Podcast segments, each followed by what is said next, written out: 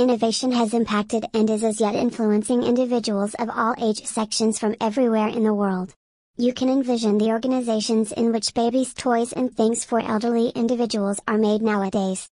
They are given a dash of ad,